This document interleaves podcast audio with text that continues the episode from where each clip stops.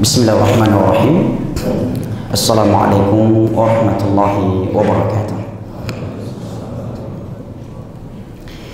الحمد لله الحمد لله الذي أرسل رسوله بالهدى ودين الحق ليظهره على الدين كله ولو كره الكافرون ولو كره المشركون وأشهد أن لا إله إلا الله وحده لا شريك له قرارا به وتوحيدا وأشهد أن محمدا عبده ورسوله صلى الله عليه وعلى آله وصحبه وسلم تسليما كثيرا. أما بعد فالحمد لله فجد شكور سننتيسا كتاب جل كان الله جل وعلا ينطلح برفرمن وان تعدوا نعمه الله لا تحصوها ان الانسان لظلوم كفار dan kalaulah kalian ingin menghitung-hitung akan nikmat Allah Jalla wa Ala atas kalian la tuhsuha.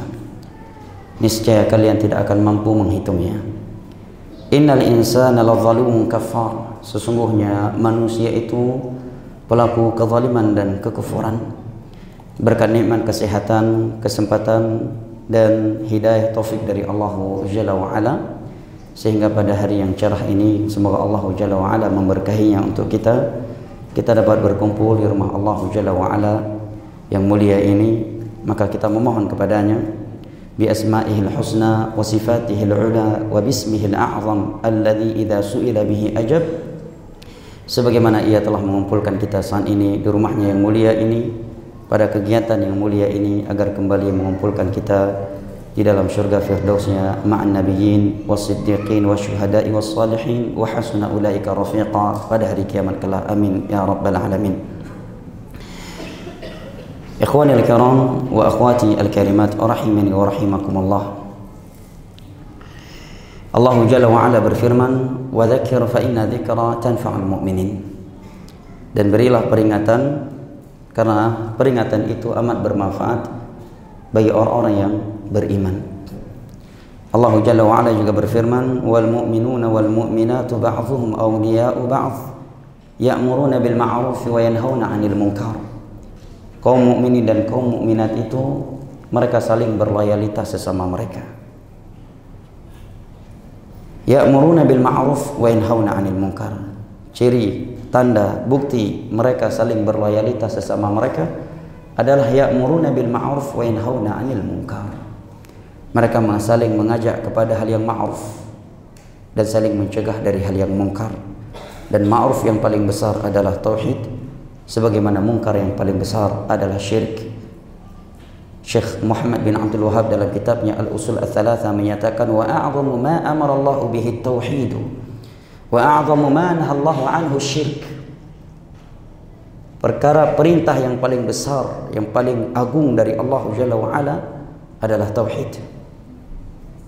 Dan kalau kita membuka Al-Quran, fi'il amr, kata kerja, perintah yang pertama kali dalam Al-Quran itu masalah tauhid. Ya ayuhan nasu u'budu rabbakum u'budu. Ini adalah fi'il amr dari abida ya'budu u'bud. Sebelumnya belum ada fi'il amr. Nah. Maka kata Syekh Muhammad bin Abdul Wahab wa'adhamu mana amara Allah bihi tauhid. Perintah Allah yang paling besar adalah tauhid. Wa'adhamu ma Allah anhu syirik. Dan larangan Allah yang paling keras adalah syirik.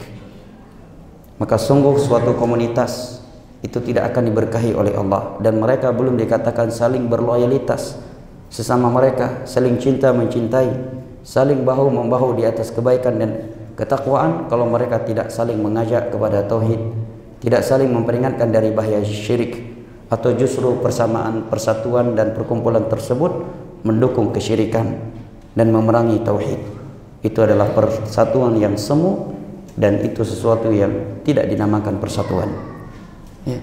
Karena apabila mereka adalah orang-orang yang saling berloyalitas sesama mereka, maka pasti ma'ruf yang paling sering mereka serukan adalah tauhid dan peringatan yang paling sering dan yang paling utama mereka peringatkan adalah syirik. Allah berfirman al mu'minuna wal mu'minatu ya-, ba'dhum awliya'u ba'd ya'muruna bil ma'ruf wa yanhauna 'anil munkar. Dalam ayat yang lain dari surat Ali Imran Allah berfirman wal takum minkum ummatun yad'una ila al-khairi wa ya'muruna bil ma'ruf wa yanhauna 'anil munkar wa ulaika humul muflihun. Dan hendaknya senantiasa ada segelincir sekelompok orang dari kalian yang senantiasa menyuruh kepada kebaikan mengajak kepada hal yang ma'ruf dan mencegah dari hal yang mungkar. Dan mereka itu adalah orang-orang yang bahagia. Allah juga berfirman wal 'asr innal insana lafi khusr illa alladhina amanu wa amilus salihat. Apakah cukup sebatas itu? Cukup. Alladhina amanu wa amilus salihat? Tidak rupanya. Harus ada yang berikutnya.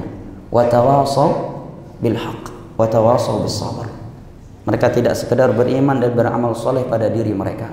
Tetapi mereka juga tawasaw bil haqq wa tawasaw bil bis sabr. Ya. dan mereka lah ashabul maimanah. Ya yang Allah sebutkan di dalam surat Al-Balad. Ya.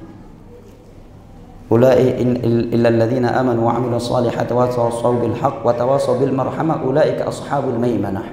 Golongan kanan diriwayatkan oleh Imam Muslim dari sahabat Jarir ibnu Abdullah Al-Bajali radhiyallahu anhu Nabi sallallahu alaihi wasallam beliau berkata bayana Rasulullah sallallahu alaihi wasallam ala iqamis salat wa ita'iz zakat wan nushi kulli muslim. Kami telah membaiat mengambil baiat kepada Nabi sallallahu alaihi wasallam agar kami senantiasa menegakkan salat, menunaikan zakat dan memberi nasihat kepada seorang muslim. Juga hadis yang ma'ruf ad-dinun nasihah. Juga diriwayatkan oleh Imam Muslim dari Abu Hurairah radhiyallahu anhu. Nabi sallallahu alaihi wasallam bersabda al-muslim 'ala al-haqqul muslim 'ala al-muslim sit khas setiap muslim yang harus ditunaikan oleh setiap muslim yang lainnya adalah enam ada enam dan tentunya penyebutan enam di sini bukan sebagai pembatas karena merupakan kaidah dalam ilmu usulul fiqh zikrul adat la mafhumalah penyebutan angka jumlah tidak menunjukkan pembatasan itu kaidah asal dalam nas-nas Al-Quran dan hadis zikrul adat la mafhumalah Nabi menyatakan bahwa hak seorang muslim atau muslim yang lainnya ada enam. Di antaranya, idza stansahaka fansahhu.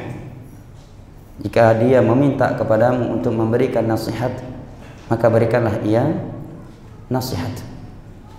Dan Imam Syafi'i rahimahullah taala menyatakan laisa as-sadiqu man saddaqak, walakinnama as-sadiqu man sadaqak. In jahilta 'allamak wa in ghafilta dzakkarak. Bukanlah teman itu Teman sejati itu bukanlah orang yang selalu membenarkan sikapmu, tetapi teman sejati itu adalah orang yang jujur bersamamu. Bukti dia jujur bersama kamu, kata Imam Syafi'i, yang jahil ta'allamak. Jika engkau tidak tahu tentang agama Allah, dia beritahu. Wa in ghafil tadhakar dan jika engkau lalai, dia ingatkan engkau untuk kembali kepada jalan ketaatan.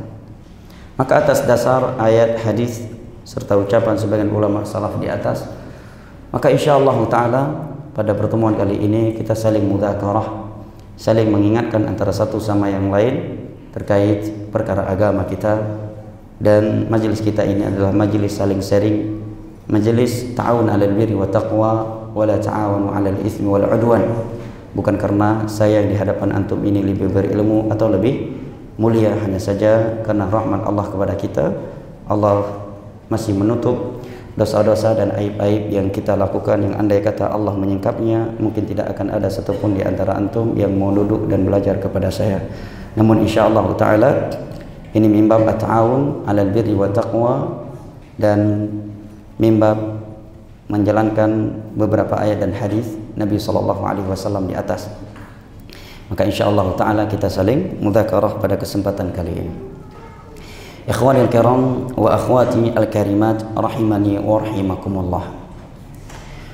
Manusia di dalam mencari atau meraih keselamatan, kesuksesan, kebahagiaan itu bermacam-macam. Ya. Kalau mau disimpulkan mungkin kurang lebih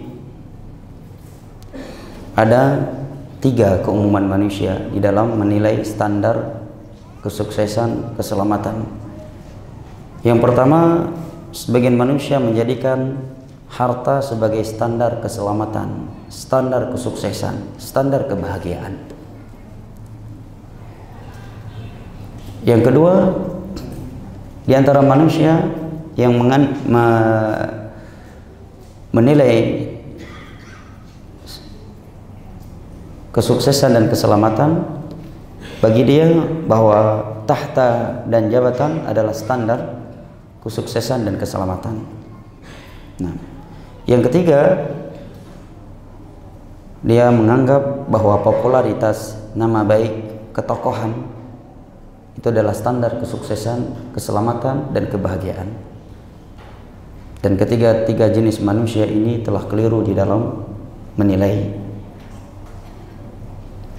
Adapun orang yang menilai dan menjadikan harta adalah standar keselamatan, kesuksesan, kebahagiaan dunia dan akhirat, maka ujung perjalanan Qarun sebaik-baik pelajaran dan teguran dari Allah untuknya. Karena rupanya Qarun yang lebih kaya daripada Nabi Musa dan Harun tidaklah lebih sukses, tidaklah lebih selamat dunia dan akhiratnya. Bahkan Allah berfirman di dalam surat Al-Qasas, "Inna Qaruna kana min qaumi Musa fabagha 'alaihim wa inna mafatihahu latanu bil 'usbati ulil quwwah."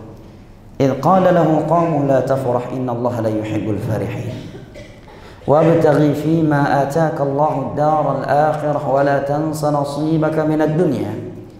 وأحسن كما أحسن الله إليك.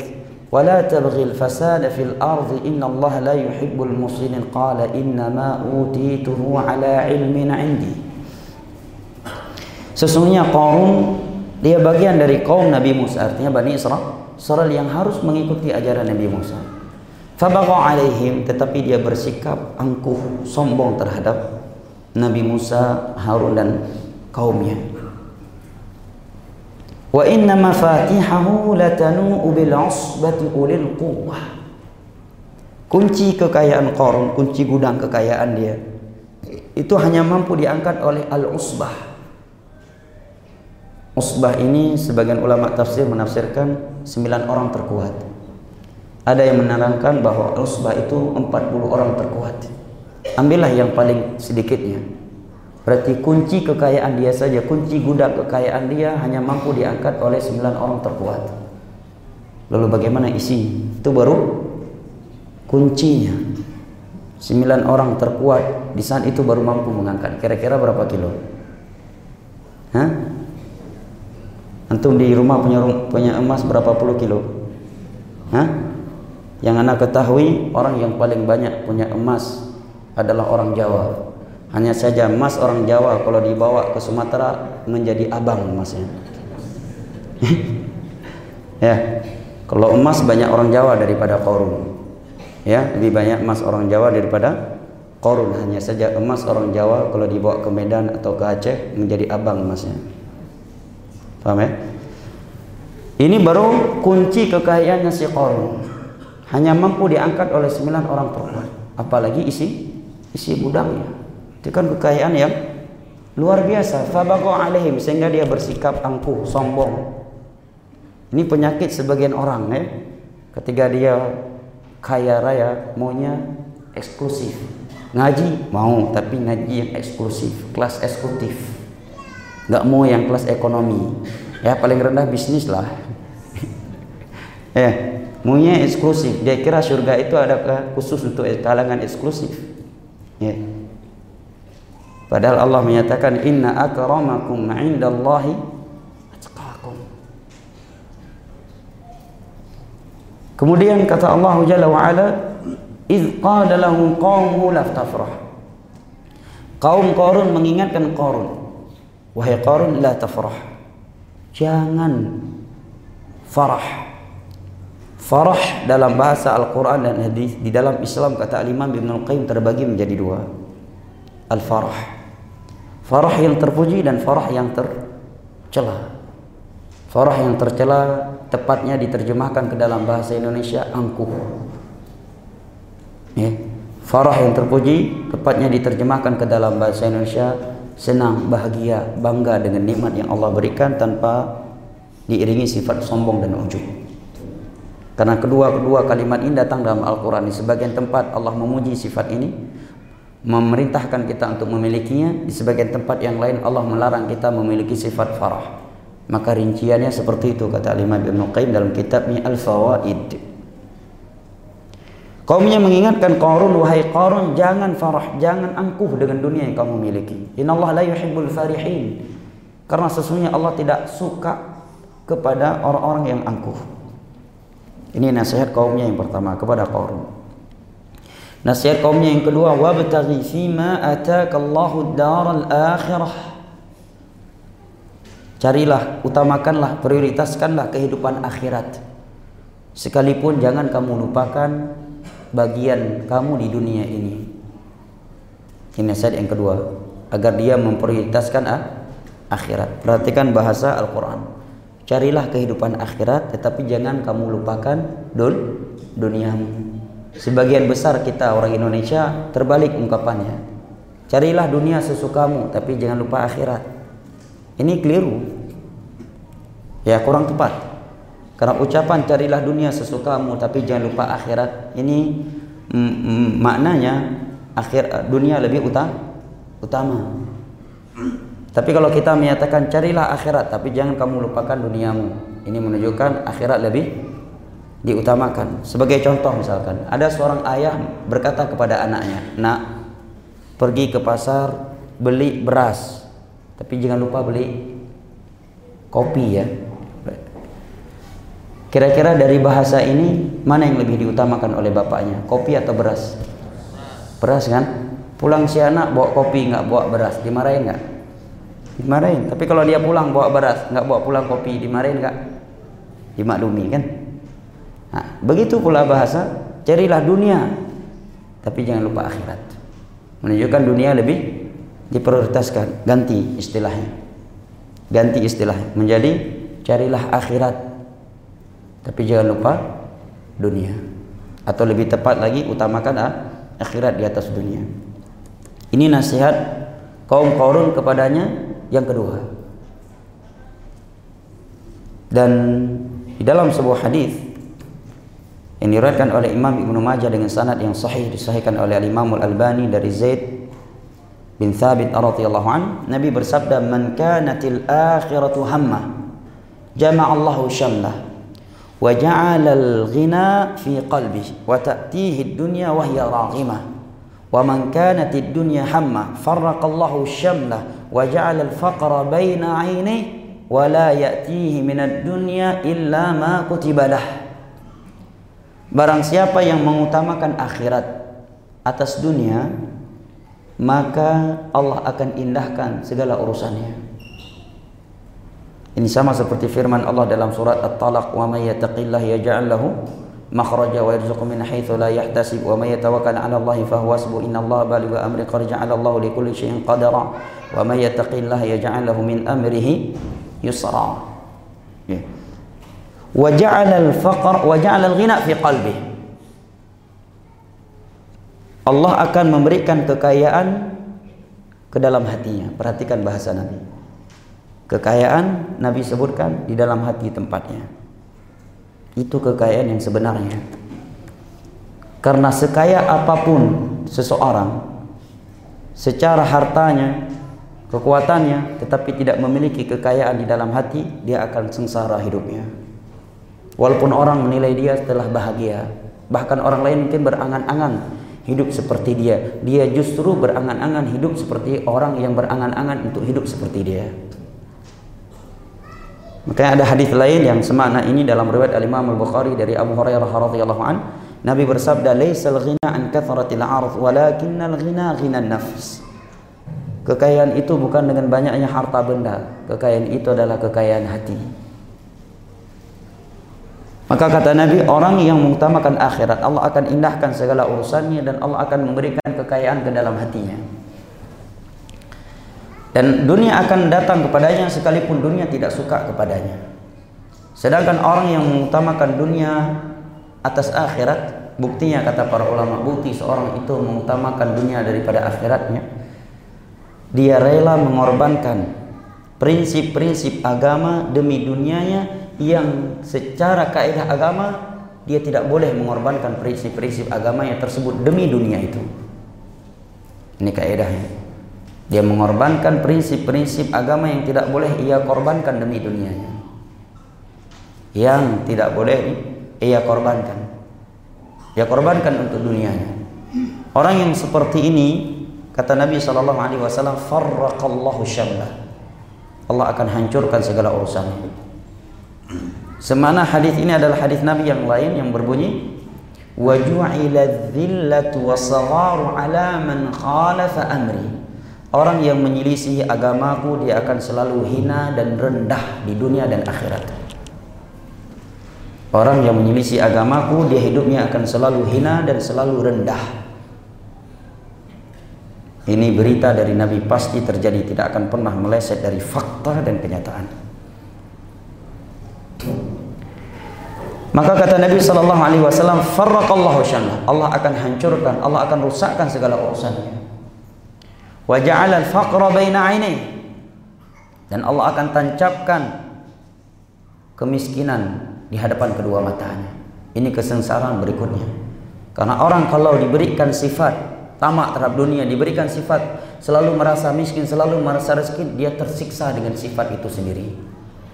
Dia akan tersiksa dengan sifat itu. Dan dia tidak akan pernah bahagia sekalipun dia telah memiliki harta yang cukup banyak yang orang lain saja berangan-angan punya harta seperti dia. Maka dalam hadis lain dalam riwayat Al-Imam Muslim dari Abdullah bin Amr bin As radhiyallahu anhuma Nabi bersabda qad aflaha man aslam wa rizqa kafafan wa qanna'ahu Allah bima atah sungguh telah bahagia sungguh telah sukses. Orang yang diberikan hidayah Islam kalimat Islam mencakup seluruh agama isi agama yaitu Al-Qur'an dan hadis dengan pemahaman para salaf. Diberikan untuknya rezeki yang mencukupi dan di akhirnya Nabi berkata diberikan sifat qanaah merasa cukup. Orang yang punya harta yang banyak tetapi tidak diberikan sifat merasa cukup justru dia tersiksa dengan harta yang banyak tersebut sebaliknya orang yang diberikan hidayah sifat merasa cukup dengan apa yang Allah berikan dia tetap bahagia sekalipun fasilitas yang dia miliki sangat sederhana nah Jelas ya? Maka kata Nabi, Allah akan tancapkan kemiskinan di depan kedua matanya. Di depan kedua matanya. Dan dunia itu tidak akan dia peroleh kecuali sesuai dengan apa yang telah Allah tulis dalam Lauhul Mahfuz. Ini semana dengan firman Allah dalam surat Al-Isra. Man kana yuridul ajila ta'ajjalna lahu fiha ma nasha liman nurid. Barang siapa yang menginginkan kehidupan yang segera dunia dia lebih memilih, memilih dunia daripada akhirat. Kami akan berikan dunia itu untuk dia. Manasya sesuai kehendak kami bukan sesuai rencana dia. Manasya sesuai kehendak kami. Liman nuri itu pun kepada siapa yang kami kehendaki. Ya inginnya sebulan dapat 100 juta. Rupanya Allah berkehendak dapatnya satu juta setengah. Itu pun gak cukup untuk bayar kredit. Lima nuri kepada siapa yang kami kehendaki. Maka Qarun dinasati oleh kaumnya untuk memprioritaskan kehidupan akhirat sekalipun dia tidak boleh meninggalkan dunianya. Karena dunia merupakan jembatan akhirat. Dengan modal dunia seorang bisa haji, bisa umrah, bisa puasa, bisa ibadah, bangun masjid, bangun bantu dakwah, bantu penuntut ilmu agama dan seterusnya. Banyak yang mampu dilap banyak pintu-pintu kebaikan dapat dibuka oleh orang kaya yang tidak mampu dibuka oleh orang miskin dengan hartanya. Maka kaum yang memberi nasihat agar korun memprioritaskan kehidupan akhirat daripada dunia. Ini nasihat kaum korun kepada korun yang keberapa? Tung? Yang keberapa? Yang kedua. Anda nanya ini. Ke sini ya tadi talangan Anda. Ke sana atau ke sini tadi? Oh, ke sini ya? Kira ke sana deh. Baik. Yang kedua. Nasihat kaum korun kepada korun yang ketiga adalah Wa ahsin kama ahsanallahu ilaik. Berbuat baiklah kepada hamba-hamba Allah sebagaimana Allah telah berbuat baik kepadamu. Ya.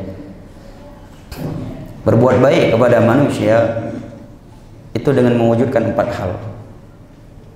Dengan merealisasikan empat hal. Tiganya dari ucapan Abdullah bin Mubarak dalam riwayat Tirmizi.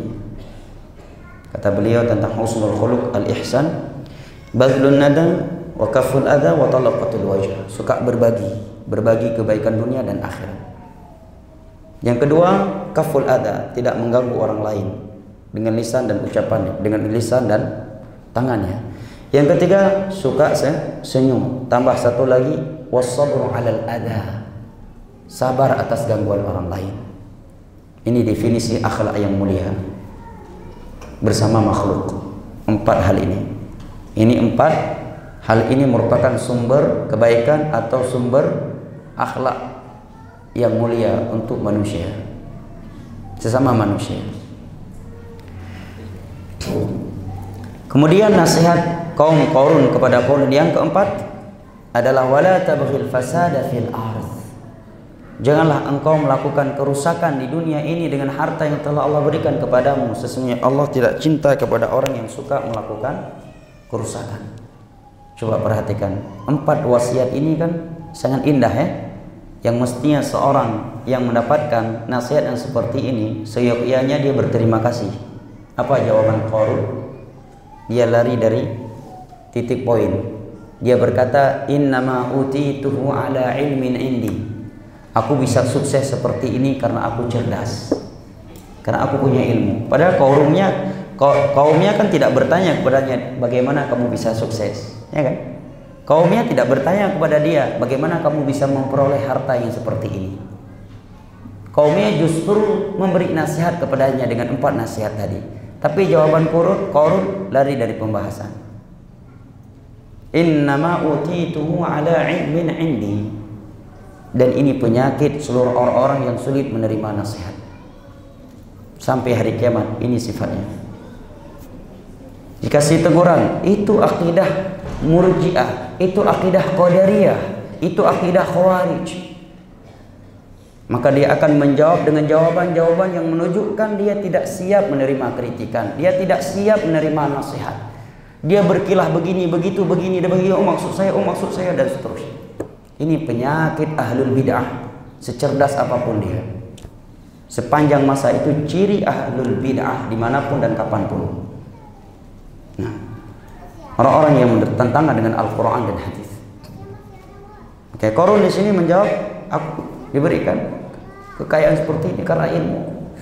Benar Allah menerangkan فخرج على قومه من المح فخرج على قومه في زينته قال الذين يريدون الحياة الدنيا يا ليت لنا مثل ما أوتي قارون إنه لذو حظ عظيم وقال الذين أوتوا العلم ويلكم ثواب الله خير لمن آمن وعمل صالحا ولا يلقاها إلا الصابرون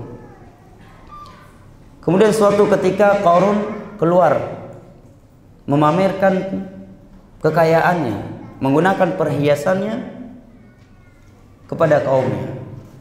Berarti bisa kita bayangkan apa kira-kira perhiasan yang dia pakai ya? Kuncinya saja tadi hanya mampu diangkat oleh sembilan orang terkuat terbuat dari emas atau pe perak. Lalu kira-kira bagaimana penampilan dia di saat dia sedang memamerkan perhiasannya? Ya, mungkin kalau dia pakai cincin 10 jarinya Edo Cres masing-masing berharga 6 miliar. Hah? Ini Edo Cres, ini Bacan 2 miliar, ini Black Jet 2 miliar dan seterusnya. Ya. Nah, ketika dia memamerkan perhiasannya tersebut, kata Allah, orang-orang yang orientasinya dunia, orang-orang yang orientasinya dunia, mereka berkata, aduhai kalau kita sukses seperti Qarun, dia adalah orang yang sukses. Ini orang-orang yang menjadikan harta sebagai standar kesukses, kesuksesan.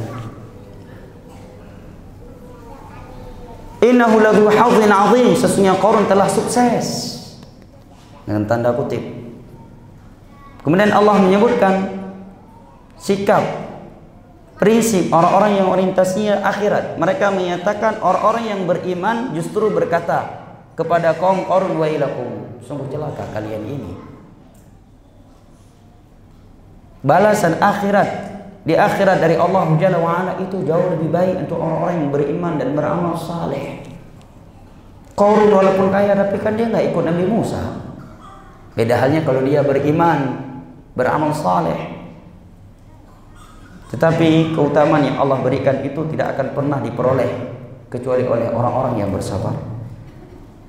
Tayyib ikhwani al-kiram wa akhwati al-karimat rahimani wa rahimakumullah. Antum konsekuensi duduk di depan. Dari mana? Nah, kita sedang bahas apa? Kok bisa lari ke cerita korun? Antum, eh, kurang lurus ya. Belok tadi enggak kan? Lurus. Antum.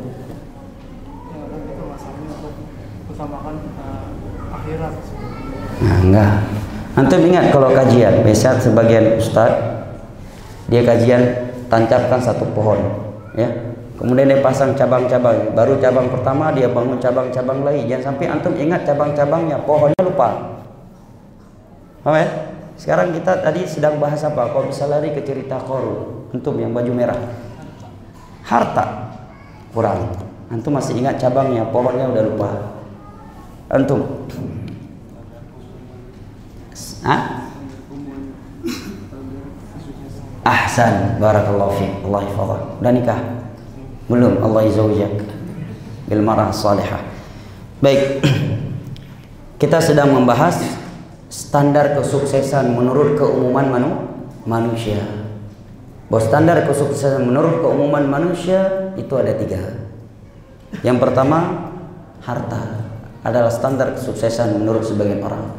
Maka kita katakan tadi, orang yang beranggapan demikian, maka kesudahan ujung dari perjalanan Qarun adalah sebaik-baik pelajaran dan teguran Allah untuk dia. Rupanya standar bahwa harta bukan standar kesuksesan. Kesuksesan. Dia di dunia aja udah hancur korun kan? Ditelan faqasaf nabi wa bidadihil ard. Dia sedang memamerkan perhiasannya terjadi gempa bumi lokal, dia dan istananya ditenggelamkan oleh Allah. Secara logika kan nggak logis. Tapi innama amru idza arada li syai'in an yaqula lahu kun fayakun. Tidak ada yang mustahil bagi Allah. Gempa lokal yang ditelan oleh bumi hanya satu orang. Padahal di tengah-tengah dia banyak masyarakatnya. Yang ditelan oleh bumi hanya korun dan istananya. Yang lain enggak. Biasanya gempa bumi yang lokal paling tidak adalah 5 atau 20 orang ya. Yang tenggelam ini cuma satu orang. Yang lain semua selamat. Allah ingin menampakkan kekuasaannya dan ingin memberikan teguran kepada orang-orang yang punya mindset yang keliru di dalam menilai sesuatu. Yang kedua, standar kesuksesan yang kedua menurut kebanyak sebagian manusia adalah tahta dan jabatan. Maka kondisi terakhir Fir'aun, Haman dan Namrud ada sebaik-baik pelajaran dan teguran dari Allah untuk dia. Andai kata tahta dan jabatan adalah standar kesuksesan, sumber kebahagiaan. Tentu Namrud akan lebih sukses, akan lebih bahagia daripada Nabi Ibrahim. Tentu Firaun akan lebih sukses, akan lebih bahagia daripada Musa dan Harun. Tentu Haman lebih mulia, lebih bahagia daripada Harun dan Bani Israel lainnya yang beriman kepada Nabi Musa. Rupanya tidak di dunia saja mereka tidak lebih bahagia. Ditenggelamkan dalam laut ya dan sedangkan Bani Israel diselamatkan oleh Allah. Sedangkan standar kesuksesan yang ketiga menurut keumuman manusia adalah nama baik, popularitas, ketokohan. Maka kesudahan Abu Jahal CS Abu Jahal CS itu sebaik-baik pelajaran dan teguran dari Allah untuk orang yang mindsetnya seperti ini. Andai kata popularitas, ketokohan, nama baik itu adalah sumber kebahagiaan, sumber kesuksesan. Tentu Abu Lahab CS lebih bahagia daripada Bilal ibnu Abi Rabah yang merupakan budak sahaya dari Ethiopia. Tentu mereka lebih bahagia dunia akhiratnya daripada Suhib bin Sinan, seorang budak sahaya. Maka tiga standar kesuksesan ini semuanya keliru. Ini mindset yang sudah keliru yang bertentangan dengan Al-Quran dan hadis. Standar kesuksesan yang benar adalah yang keempat. Apa itu? Yaitu firman Allah Jalla wa Ala di dalam surat Al-Ahzab di halaman terakhir saya nggak hafal nomor ayatnya. Wa man yuti'illah wa rasulahu faqad faza fawzan 'azima. Dan barang siapa yang senantiasa taat kepada Allah dan Rasulnya Maka dialah yang telah memperoleh kesuksesan yang sangat besar Ini standar kesuksesan untuk kita umat Islam Inilah standar kesuksesan bagi kita umat Nabi Muhammad sallallahu alaihi wasallam umat Al-Qur'an. Wa man yuti'illaha wa rasulahu faqad faza fawzan 'azima. Dan barang siapa yang taat kepada Allah dan Rasulnya Maka sungguh dia telah memperoleh kesuksesan yang sesungguhnya Di dalam hadis Nabi Wasallam yang diriwayatkan oleh Imam Muslim dari Abdullah bin Amr bin As radhiyallahu anhu Nabi bersabda qad aflaha man aslam wa ruziqa kafafan wa qanna'ahu Allah bima ata sungguh telah sukses orang yang Islam diberikan rezeki yang mencukupi dan diberikan sifat qanaah. Nah, hadis ini yang akan menjadi pembahasan kita hari ini insyaallah. Namun sebelumnya mohon maaf ana izin ke kamar mandi dulu boleh? Baik. Afwan ya. Anak ke belakang dulu.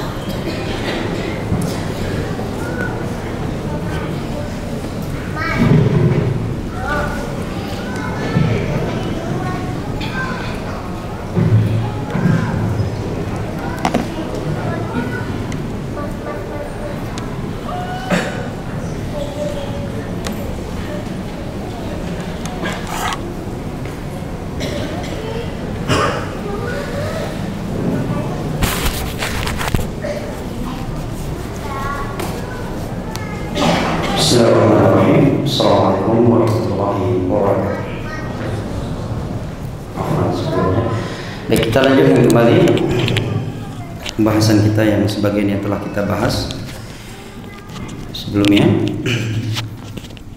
Apa terakhir pembahasan yang kita bahas sebelum saya ke belakang? Untuk konsekuensi dulu di depan. Jangan senyum dulu. Saya tahu senyum memang sedekah. Tapi jawaban dulu. Nanti kalau udah jawab baru kasih senyuman. Memang betul Nabi bilang inna inna tabassumaka ala wajhi akhika sadaqah. Senyumnya kamu di hadapan saudaramu adalah sedekah. Tapi jawab dulu. Hah? Hah? Standar kesuksesan itu memang dari awal kajian ya. Poin terakhir biar kita nyambung langsung situ. Abang, Siapa namanya? Erlangga Barakallahu Fik.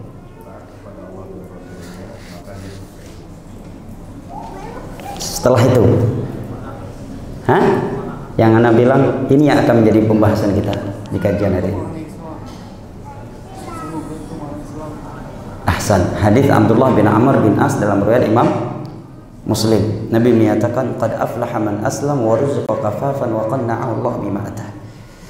Sungguh telah sukses orang yang Islam diberikan rezeki yang mencukupi dan diberikan sifat qanaah terhadap apa yang telah Allah berikan. Ini akan menjadi pembahasan kita. Hadis ini penjelasan hadis secara umum menerangkan kepada kita sumber kesuksesan, sumber keselamatan, sumber kebahagiaan dunia dan akhirat. Karena kalimat aflaha dalam bahasa Arab dia adalah kalimatun jami'atun li kullil khair. Itu kata aflaha yuflihu. Sebuah kalimat yang bermakna mencakup seluruh kebaikan. Maka aflah boleh diterjemahkan sukses, beruntung, bahagia, senang dan seterusnya. Semakna itu. Hadis ini menerangkan kepada kita sumber keselamatan, kesuksesan, kebahagiaan yang hakiki. Nah, Hadisnya simpel, tapi insya Allah taala akan kita renungi bersama karena maknanya cukup luas, ya, cukup luas. Tiga sumber kesuksesan, keselamatan, kebahagiaan yang Nabi sebutkan dalam hadis ini. Yang telah kita simak. Yang pertama Nabi sebutkan is Islam. Islam secara etimologi, secara bahasa Arab dia bermakna al-inqiyad wal khudu. Tunduk dan patuh itu makna Islam, kata Islam dalam bahasa Arab. Oleh karena dalam Al-Quran Allah menyatakan walahu aslama man fis samawati wal ardh. Seluruh yang di langit dan seluruh yang di bumi, benda hidup atau benda mati, muslim atau non muslim, mereka Islam kepada Allah. Maksudnya tunduk kepada Allah. Tidak ada yang bisa lari dari pengaturan Allah. Semuanya di bawah kehendak dan peraturan Allah Allah Jalla wa ala. Wa ma tasyauna illa ayyasha Allah rabbul alamin. Ini makna Islam. Secara etimologi. Ya. Dan ada sisi keterkaitannya mana Islam secara etimologi dengan mana Islam secara istilah atau secara definisi syar'i. Adapun Islam dalam bahasa agama maka kata Syekh Muhammad bin Abdul Wahab dalam kitabnya Al-Usul Al-Thalathah atau Thalathatul Usul kata beliau adalah al-istislamu lillah.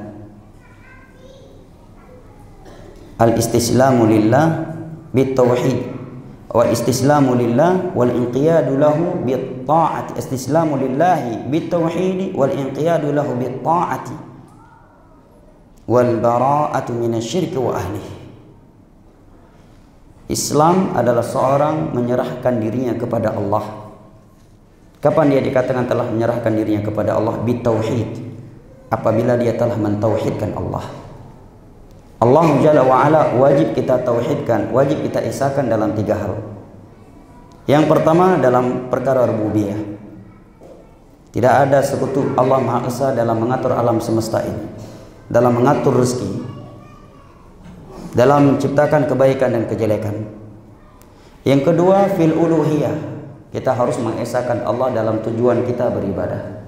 Allah Maha Esa dalam ibadah-ibadah yang ada. Tidak boleh satupun dari ibadah yang ada kita palingkan kepada Allah selain Allah atau kita paling kita berikan kepada Allah tetapi di waktu yang sama ada sekian ni uh, persen dari niat kita untuk selain Allah yang disebut dengan ria atau sum'ah. Ya. Wa annal masajid lillahi fala tad'u ma'allahi ahada wa wa ma umiru illa liya'budullaha mukhlishina lahu din fa'budillaha mukhlishan lahu din qul inna salati wa nusuki wa mahyaya wa mamati lillahi rabbil alamin. La syarika lahu wa bidzalika umirtu wa ana awwalul ini sekian ayat yang memerintahkan kita untuk mengikhlaskan mengesahkan Allah dalam ibadah ibadah. Qul inna salati katakan salatku sembelihanku ya Sembelihanku, hidupku dan matiku hanya untuk Allah semata. Tidak ada sekutu bagi Allah dalam hal ini. Dan dengan itulah aku diperintahkan dan aku adalah orang yang pertama kali menyerahkan diri kepada Allah. Ayat ini juga memberikan pelajaran kepada kita Lebay bin Alay bintu Syirik ucapan sebagian musisi yang berkata ya hidup dan matiku hanya untukmu wahai kekasihku. Ini ucapan yang lebay bin alai bintu syirik. Ya. Karena Allah menyatakan qul inna salati wa nusuki wa mahyaya wa mamati lillahi rabbil alamin. Ya. Yang ketiga kita harus mentauhidkan Allah dalam nama-nama dan sifat-sifatnya. Seorang akan benar tauhid asma wa sifatnya apabila dia memahami kaedah dalam asma wa sifat.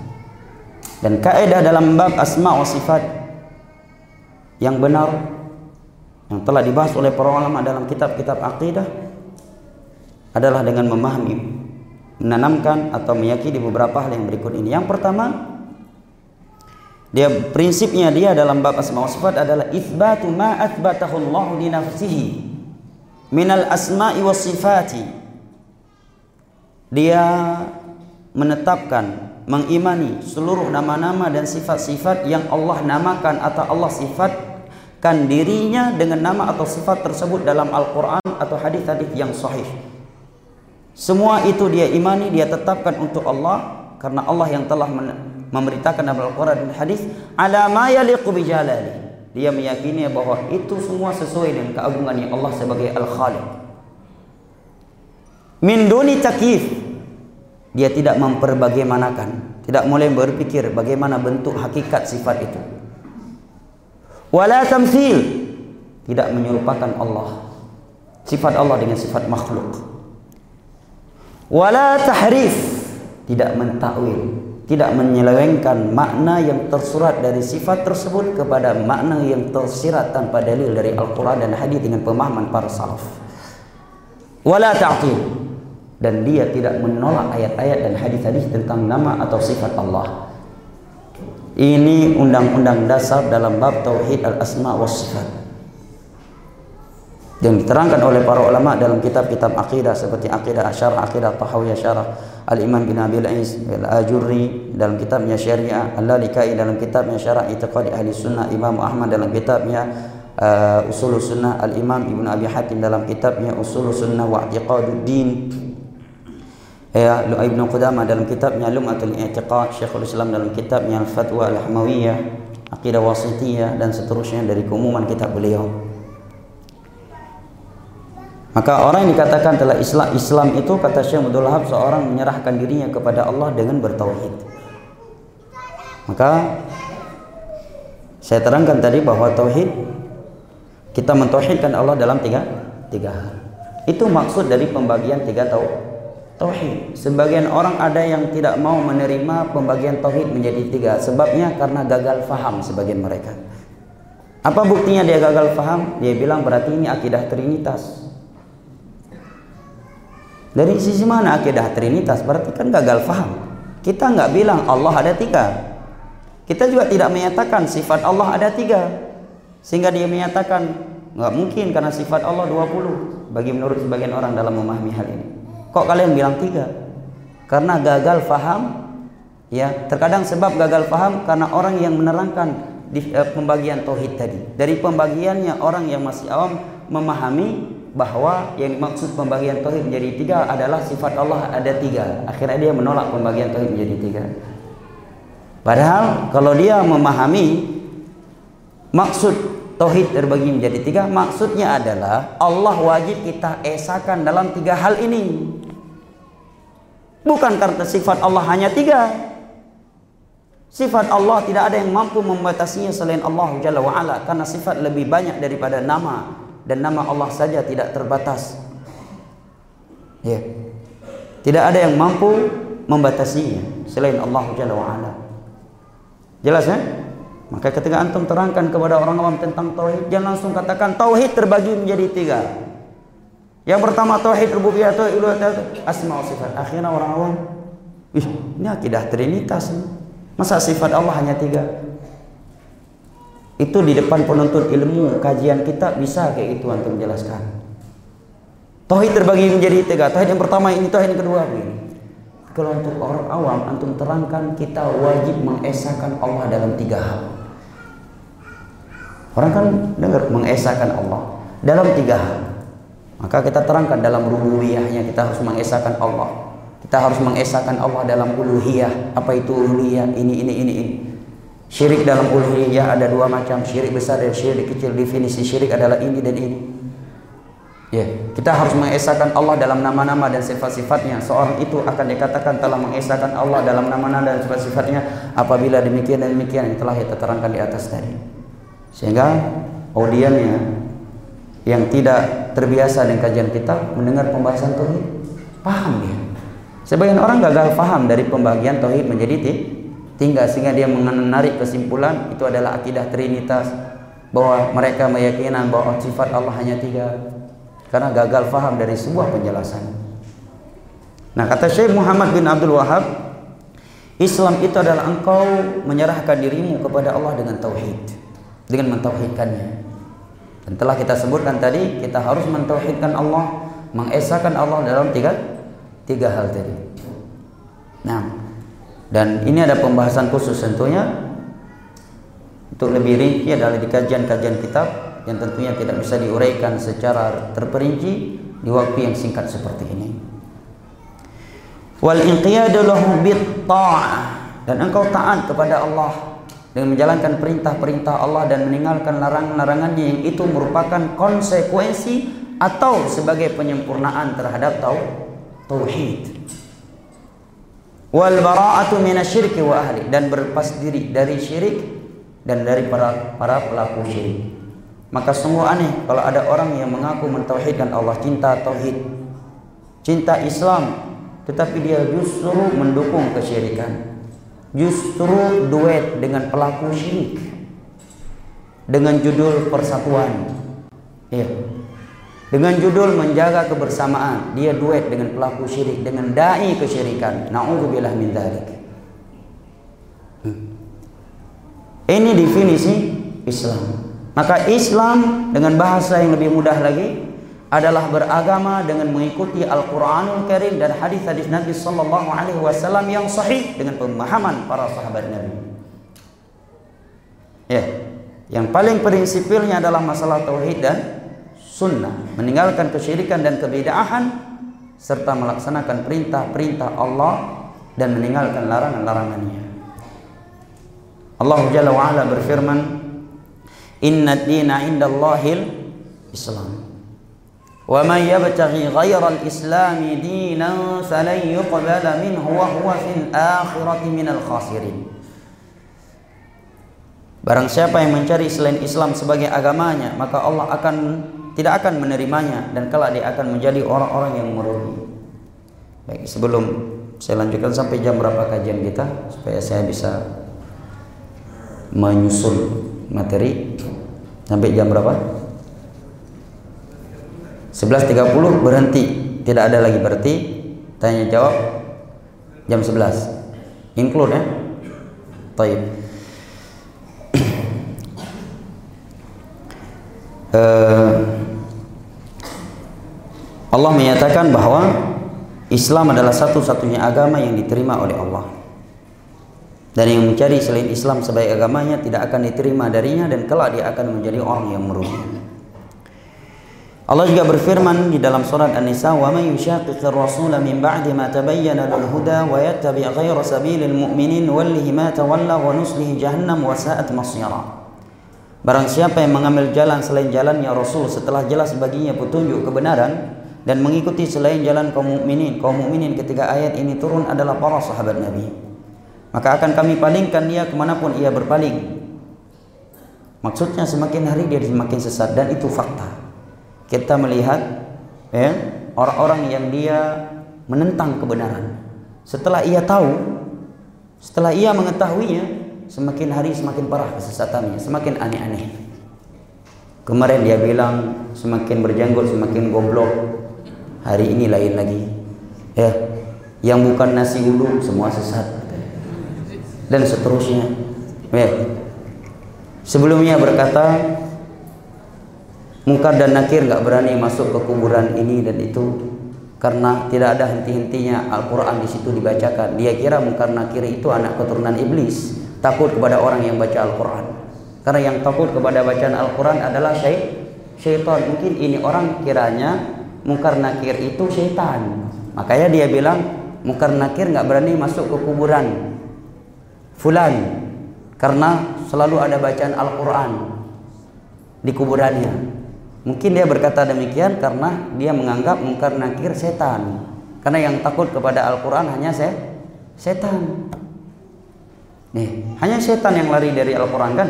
Fa inna syaitan yanfiru minal baiti alladhi tuqra'u fihi suratul Baqarah Syaitan lari dari sebuah rumah yang dibacakan surat Al-Baqarah. Kalau ada orang yang menyatakan bahwa mungkar dan nakir nggak berani masuk ke kuburan fulan dan alan karena di situ selalu dibacakan Al-Quran, nah ada kemungkinan dia ber, berkeyakinan bahwa mungkar dan nakir setan. Dan kalau dia menganggap mungkar nakir setan, selesailah, nggak perlu dibantah lagi karena dia bukan Muslim lagi. Nah, semakin hari semakin aneh. Itu sudah ketetapan dari Allah. Orang yang meninggalkan kebenaran setelah ia tahu dia tahu bahkan sebelumnya dia menyeru ke situ. Mengajak manusia kepada kebenaran tersebut. Kemudian dia meninggalkannya, memperolok-oloknya, bahkan menantang kebenaran tersebut. Nuwalihi ma tawalla. Semakin hari dia semakin sesat, semakin aneh-aneh ucapannya. Dan itu fakta jemaah. Wa nuslihi jahannam. Dalam bahasa ulama salaf mereka berkata, "Man khalafa sunnah tanaqad." Orang yang beragama tidak mengikuti pemahaman ulama salaf banyak kontradiksi pada ucapan dan sikapnya. Orang yang tidak mengikuti pemahaman ulama salaf dalam beragama pasti banyak kontradiksi pada ucapan dan sikapnya. Di satu sisi mereka berkata, kita berdakwah harus lembut, harus hikmah, dia suka mencela, dia suka menyalah-nyalahkan orang lain. Lembut senyum hati ini dengarnya. Tapi tiap hari dia mencaci maki pemerintah, mencela pemerintah. Apakah itu bagian dari hikmah? Apakah itu bentuk kelembutan? Apakah itu bentuk kita menjaga akhlak yang mulia? Man khalafa sunnah. Sungguh benar apa yang dikatakan oleh ulama salaf. Orang yang beragama tidak mengikuti prinsip ulama salaf pasti banyak kontradiksi pada ucapan dan sikapnya. Subhanallah.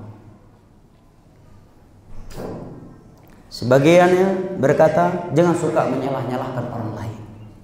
Yang ini benar, yang ini benar, benar, benar, benar. Padahal yang benar-benar ini semuanya berbeda-beda, saling berbeda, beraneka ragam. Yang satu ini yang salah. Walaupun nggak terucapkan dengan lisan, tapi sikapnya berkata ini benar, benar, benar, benar, ini salah. Kan sudah terbalik kaedahnya. Pada dalam agama kebenaran satu, kebatilan bah banyak hadza sirati mustaqiman fattabi'u wa la tattabi'us subul fatafarraqa bikum an sabilihi dzalikum wasaqum bihi la'allakum tattaqun kata Allah. Inilah jalanku satu-satunya yang lurus. Ittabi'u ikuti dia.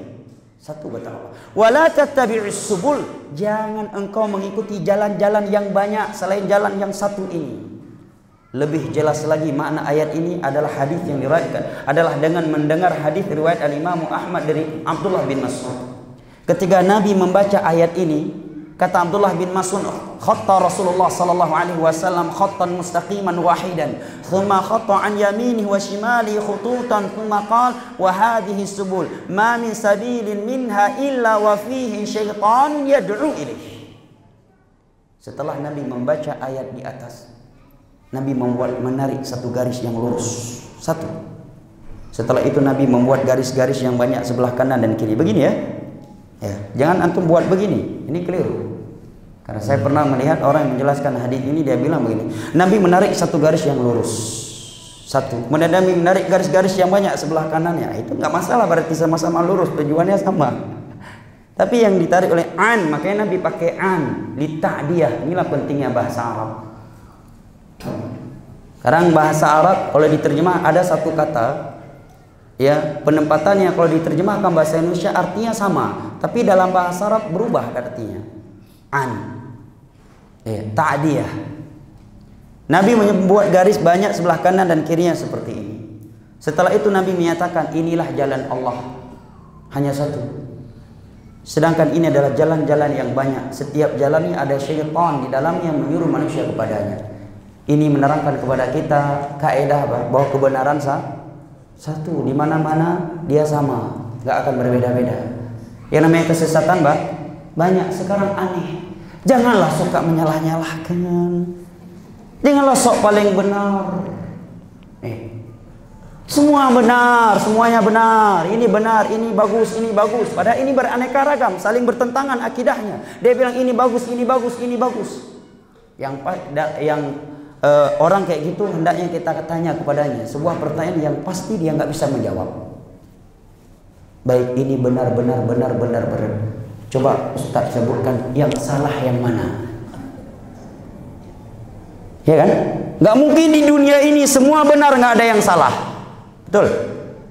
Ini saya kira sebodoh-bodoh apa pun orang dia pasti yakin di dunia ini nggak mungkin semua benar, pasti ada salah.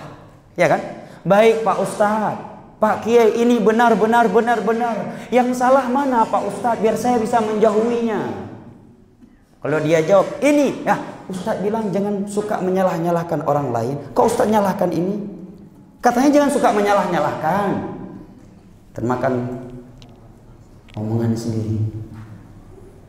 Satu. Kedua, lah berarti cuma satu yang salah. Yang ini semuanya benar. Padahal yang semua ini beraneka ragam di antara mereka saling berbeda mereka. Berarti Pak Ustadz kaedahnya yang salah itu satu, yang benar banyak. Betul.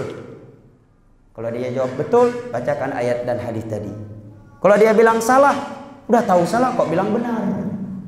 Sungguh benar apa yang dibilang ulama salaf tadi, man khalafa sunnah talaqaf. Orang yang beragama tidak ikut prinsip ulama salaf pasti banyak kontradiksi pada ucapan dan sikapnya. Itu kaidah baku. Siapa pun yang menyelisihi manhajus salaf, manhajus salaf bukan individu ustaz ya, bukan media tertentu, adalah pemahaman para sahabat Nabi, para tabi'in dan tabi'ut tabi'in yang membuktikan dia benar di atasnya ataukah tidak adalah sikap dan akhlak dia sehari-hari, akidah dia. Semua orang boleh mengaku.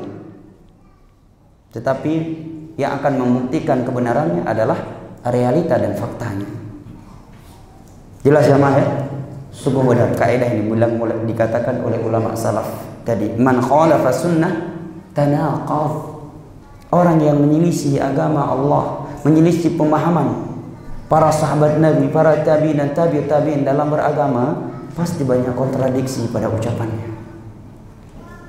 Hari ini bilang A, nanti si sore bilang B, maghrib bilang C. Hah? Kontradiksi.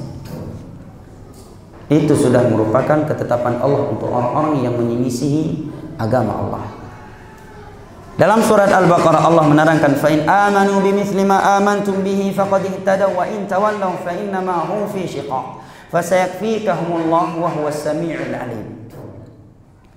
Maka apabila manusia itu beriman sebagaimana kalian beriman, kalian ketika ayat ini turun tidak ada lain selain para sahabat Nabi sallallahu alaihi wasallam. Hanya mereka yang beriman kepada Allah dan Rasulnya di saat itu. Jika manusia itu beriman seperti kalian beriman, seperti kalian beragama, pasti mereka akan berada di atas hidayah. Menerangkan apa? orang yang beragama tidak mengikuti pemahaman para sahabat Nabi, para salaf, dia tidak akan pernah dapat hidayah. Nggak akan berada di atas jalan yang benar. Wa in tawallau fa innama hum fi. Kalau mereka berpaling dari jalan kalian, maka mereka akan celaka. Dalam hadis Fadhalah bin Ubaid yang diriwayatkan oleh Al-Imam Al-Bukhari, Nabi bersabda, "Khairun nasi qarni, thumma alladhina yalunahum, thumma alladhina yalunahum." Sebaik-baik generasi umat manusia adalah generasiku. Itu para sahabat. Sahabat kemudian yang datang setelah mereka siapa? Tabi'in. Kemudian yang datang setelah mereka tabi'un tabi'in. Ini semakna dengan hadis yang diriwayatkan oleh Imam Tirmidzi dari Abu Hurairah radhiyallahu anhu dengan sanad yang sahih. Nabi menyatakan yu'khadul ilmu minkum wa mimman sami'ahu minkum wa mimman mimman sami'ahu minkum. Ilmu agama ini diambil dari kalian. Diambil dari orang-orang kalian siapa? Para sahabat. Diambil dari orang-orang yang telah mendengarnya dari kalian siapa? Murid-murid para sahabat Kemudian diambil dari orang-orang yang telah mendengarnya dari orang-orang yang telah mendengarnya dari kalian tabi'un tabi'in. Tiga generasi ini yang direkomendasi oleh Rasulullah sallallahu alaihi wasallam. Maka pemahaman mereka adalah referensi kita dalam beragama. Adapun individu manusia tidak ada yang maksum selain Nabi sallallahu alaihi wasallam. Individu mereka sikap kita seperti ucapan Imam Malik, kullun yu'khadhu wa yuraddu min qawli illa sahib hadzal qabr yakni Nabi sallallahu alaihi wasallam. Setiap ucapan ulama siapa pun dia, ada yang bisa diambil ucapannya, ada yang harus kita tolak kecuali ucapan Nabi sallallahu alaihi wasallam. Ini kalau sudah berbicara individu manu, manusia. Tetapi mereka para tabi'in ya yang mereka punya majelis ilmu agama Imam Malik, Imam Syafi'i, enggak pernah kita dengar mereka menyatakan nahnu ashabul haq. Kitalah yang memiliki kebenaran, yang lain semua salah. Tidak pernah mereka berkata demikian. Padahal mereka generasi tabi'in tabi'un tabi'in. Mujahid punya majelis ilmu ribuan muridnya. Imam Malik ribuan muridnya. Imam Malik tabi'un tabi'in. Tapi tidak pernah beliau berkata, "Nahnu ashabul haq." Kitalah yang memiliki kebenaran, kita harus kuasai syuhudan ilmiyan dinian. Kita harus kuasai eh, bagian-bagian agama. Karena kalau yang jadi imam selain kita salah semua. Nggak pernah Imam Malik berkata demikian. Padahal beliau imam dari hijrah. Eh, subhanallah. Ketika berbicara tentang pribadi, benar, jangan sok paling benar. Itu betul kalau untuk individu kita. Ingat ya, ada kalimat manis tapi sebagai di sebagian keadaan itu kalimat racun. Apa itu? Kita jangan sok paling benar. Kita jangan suka menyalah-nyalahkan orang lain. Manis nggak bahasanya? Manis. Manis. Tapi itu bisa menjadi racun. Kalau maksudnya kita tidak boleh menyalahkan apa yang disalahkan oleh Al-Quran dan hadis. Itu racun. Ya, itu racun dan itu syubhat liberalisme yang terkadang sebagai yang terkadang keluar dari sebagian orang yang penampilannya sunnah. Apakah menyatakan syirik haram, bidah haram, riba haram berdasarkan ayat-ayat Al-Qur'an, hadis-hadis Nabi, ucapan para sahabat Nabi? Anda tuduh jangan sok paling benar, jangan sok suci, jangan suka menyalah-nyalahkan orang lain. Seperti itu kan? Syirik yang mengharamkan syirik Allah dan Rasulnya. Yang mengharamkan bidah Allah dan Rasulnya. Yang memerintahkan kita mentauhidkan Allah. Beribadah mengikuti sunnah Nabi. Yang melarang kita berbuat bidah adalah Allah dan Rasulnya. Ketika ada orang yang mengajak kepada tauhid. Memperingatkan manusia dari bahaya syirik mengajak manusia untuk mengikuti sunnah Nabi, sunnah para sahabat dalam agama dan memperingatkan mereka dari bahaya bidah. Lantas Anda menyatakan jangan sok paling benar, jangan sok suci, jangan suka menyalah-nyalahkan orang lain. Bahlul itu namanya. Itu prinsip. Kalau pribadi ya, kita nggak menjamin diri kita pasti masuk surga. Nggak ada ayat dan hadis yang menerangkan nama saya dan nama jamaah pasti masuk surga, pasti selamat neraka. Tetapi sesuatu yang sudah jelas-jelas bertentangan dengan Al-Quran dan hadis. Apa namanya itu? Jangan dibilang sesat. Oke. Jadi apa namanya? Benar. Jangan bilang dikatakan benar. Berarti jangan dikatakan benar, jangan dikatakan sesat. Itu mah namanya kebingungan. Ya kan? Sesuatu tidak benar, tidak salah. Apa berarti namanya kalau bukan bingung? Kita bingung namanya itu. Ya kan? Inilah ucapan-ucapan yang manis tetapi tujuannya kebatilan. Makanya kata Ali bin Abi Thalib kalimatul haq urida bihal batil. Terkadang ada sebuah kalimat indah bunyinya. Manis. Indah sekali. Kalimat tersebut. Tetapi maksudnya adalah menghancurkan prinsip-prinsip agama. Sekarang jamaah kita menyatakan riba haram. Apakah itu fatwa Ustaz? Ayat Al-Quran jelas. Hadis Nabi jelas tentang riba. Tentang musik ayat jelas. Hadis jelas. Kapan sahabat jelas. Empat madhab jelas. Sepakat. Eh, Bid'ah yang memperingatkan bahayanya bid'ah Allah dalam surat Al-An'am wa anna hadha sirati mustaqiman fala tattabi'u wa la tattabi'u subula fatafarraqu bikum an sabilih. Kata ulama wa la tattabi'u subul adalah bid'ah al-bid'ah kata ulama tafsir. Ayat Al-Qur'an. Hadis-hadis Nabi tentang bid'ah jelas. Kullu bid'atin dhalalah wa kullu dhalalatin finnar. Kaidah Kecuali kita nunjuk batang hidung orang Ente bid'ah, bid'ah sesat, ente sesat, ente neraka. Nah, itu baru boleh anda bilang. Jangan mengaku, jangan sok paling suci. Kecuali kita nunjuk batang eh, hidup. Ini kaedah umum. Sekarang ketika kita membawa ayat-ayat dan hadis bahwa peng, penzina tempatnya neraka. Apakah berarti maknanya kalau ada individu orang yang baru selesai berzina, kita berarti telah memfonis dia dalam neraka? Tentu kan tidak. Tapi kita bilang penzina tempatnya neraka. Neraka. Adapun individu penzina bukan urusan kita untuk memfonis dia neraka atau surga itu masalah gaib. Bahkan kalau dia ahli tauhid masih berhak dia langsung masuk surga tanpa masuk neraka. Neraka apabila diampuni oleh Allah dosanya tersebut atau dapat syafaat dari Nabi sallallahu alaihi wasallam karena nilai tauhidnya. Itu maknanya. Ketika kita membahas hadis-hadis Nabi tentang bid'ah, apa yang dibahas oleh ustaz-ustaz sunnah tentang bid'ah tidak lebih dari menerjemahkan hadis, tidak lebih dari itu. Cuma itu aja kok masalah. Hadis itu yang diterjemahkan. Nabi menyatakan iyakum wa muhdatsatil umur fa inna kulla muhdatsatin bid'ah wa kulla bid'atin dhalalah wa kulla dhalalatin finnar. Jauhi oleh kalian ibadah-ibadah yang baru, tidak ada tuntunan dariku. Karena setiap ibadah baru yang tidak ada tuntunan dariku itu namanya bid'ah. Setiap bid'ah sesat, setiap sesat tempatnya neraka. Aduh berat kali terimanya kasar. Nabi berarti kasar. Protes sama Nabi besok di hari kiamat. Sebelum masuk telaga Nabi, ajak dulu Nabi diskusi. Kenapa bilang bid'ah semuanya sesat? Padahal kan ada yang hasanah.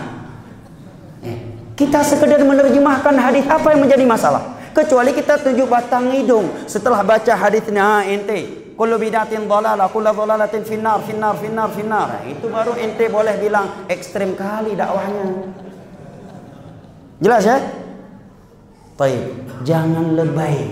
Ini agama, kita bukan jual nasi. Kejual nasi boleh konsumen bilang tambah garam dikit lagi, tambah dikit lagi. Yang itu bilang kurang pedesnya, tambah sambal dikit lagi. Kalau jualan boleh. Agama kewajiban kita hanya innama kana qaulal mu'minin. Idza du'u ila Allah wa rasulihi liyahkuma bainahum ay yaqulu sami'na wa ta'na. Wa ulaika humul muflihun. Wa ma kana lil mu'minin wa la mu'minatin idza qada Allah wa rasuluhu amran ay yakuna lahumul khiyaratu min amrihim. Wa man ya'si Allah wa rasulahu faqad dhalla dhalalan mubina. Sungguh tidak pantas bagi seorang mukmin dan mukminah apabila telah ada ketetapan petunjuk khusus dari Allah dan Rasulnya dia memiliki petunjuk lain memiliki keputusan lain ketentuan lain dan barang siapa yang menentang Allah dan Rasulnya maka sungguh dia telah sesat dengan kesesatan yang nyata. Ini prinsip agama. Fala wa rabbika la yu'minun hatta yuhakimuka fima syajara bainahum. Thumma la yajidu fi anfusim harajan mimma qadaita wa yusallimu laka taslim wa yusallimu taslima. Mereka belum beriman sampai mereka mau menjadikan engkau sebagai hakim dalam perkara yang mereka perselisihkan. Kemudian tidak ada rasa berat di hati mereka untuk menerima keputusanmu dan mereka berserah diri, menyerahkan diri mereka kepada keputusanmu tersebut. Ini masalah agama. Hukum Allah baku paten nggak akan berubah lagi sampai hari kiamat. 30 juz Al-Quran telah turun sempurna. Nabi berdakwah selama 23 tahun agama Allah telah sempurna. Tidak akan ada yang berubah, nggak akan bertambah dan tidak akan berkurang. Kata Imam Syafi'i hadis yang keluar dari mulut Nabi yang sahih tidak akan bertambah dan tidak akan berkurang sampai datang hari kiamat. Itu semua yang nggak akan bertambah dan tidak akan berkurang. Kewajiban kita hanya baca Al-Quran, menjelaskan isinya Adapun manusia mau mengamalkannya ataukah tidak antara dia dengan Allah. Hanya itu dakwah salaf. Di mana letak ekstrimnya? Di mana letak ekstrimnya? Kecuali setelah bahas bahaya bina tunjuk ormasnya. Ah, ini ini ini ormasnya bidah nih kullu finnar finnar finnar finnar finnar finnar finnar finnar finnar finnar finnar finnar fil jannah. Nah, itu baru namanya dakwah yang ekstrim. Ini kan bahas kaidah umum. Sekarang kalau kita berkata penzina tempatnya dalam neraka, apakah namanya itu ekstrim? Enggak kan? Kecuali kita tunjuk batang hidung orang yang berzina. Kamu berzina kan tadi pagi kan? Kamu final, final, final. Itu baru ekstrim. Karena masalah dia surga neraka ini masalah gaib. Kedua, dia melakukan dosa besar, bukan kekufuran. Andai kata dia tidak bertobat, nilai tauhid yang ada pada dirinya bisa menjadi sebab Allah menghapuskan dosa maksiat tersebut dan dia berhak mendapatkan syafaat Nabi Shallallahu Alaihi Wasallam untuk para pelaku dosa besar, tetapi mereka membawa nilai tau tauhid dan tidak membawa dosa syirik. Begitu pula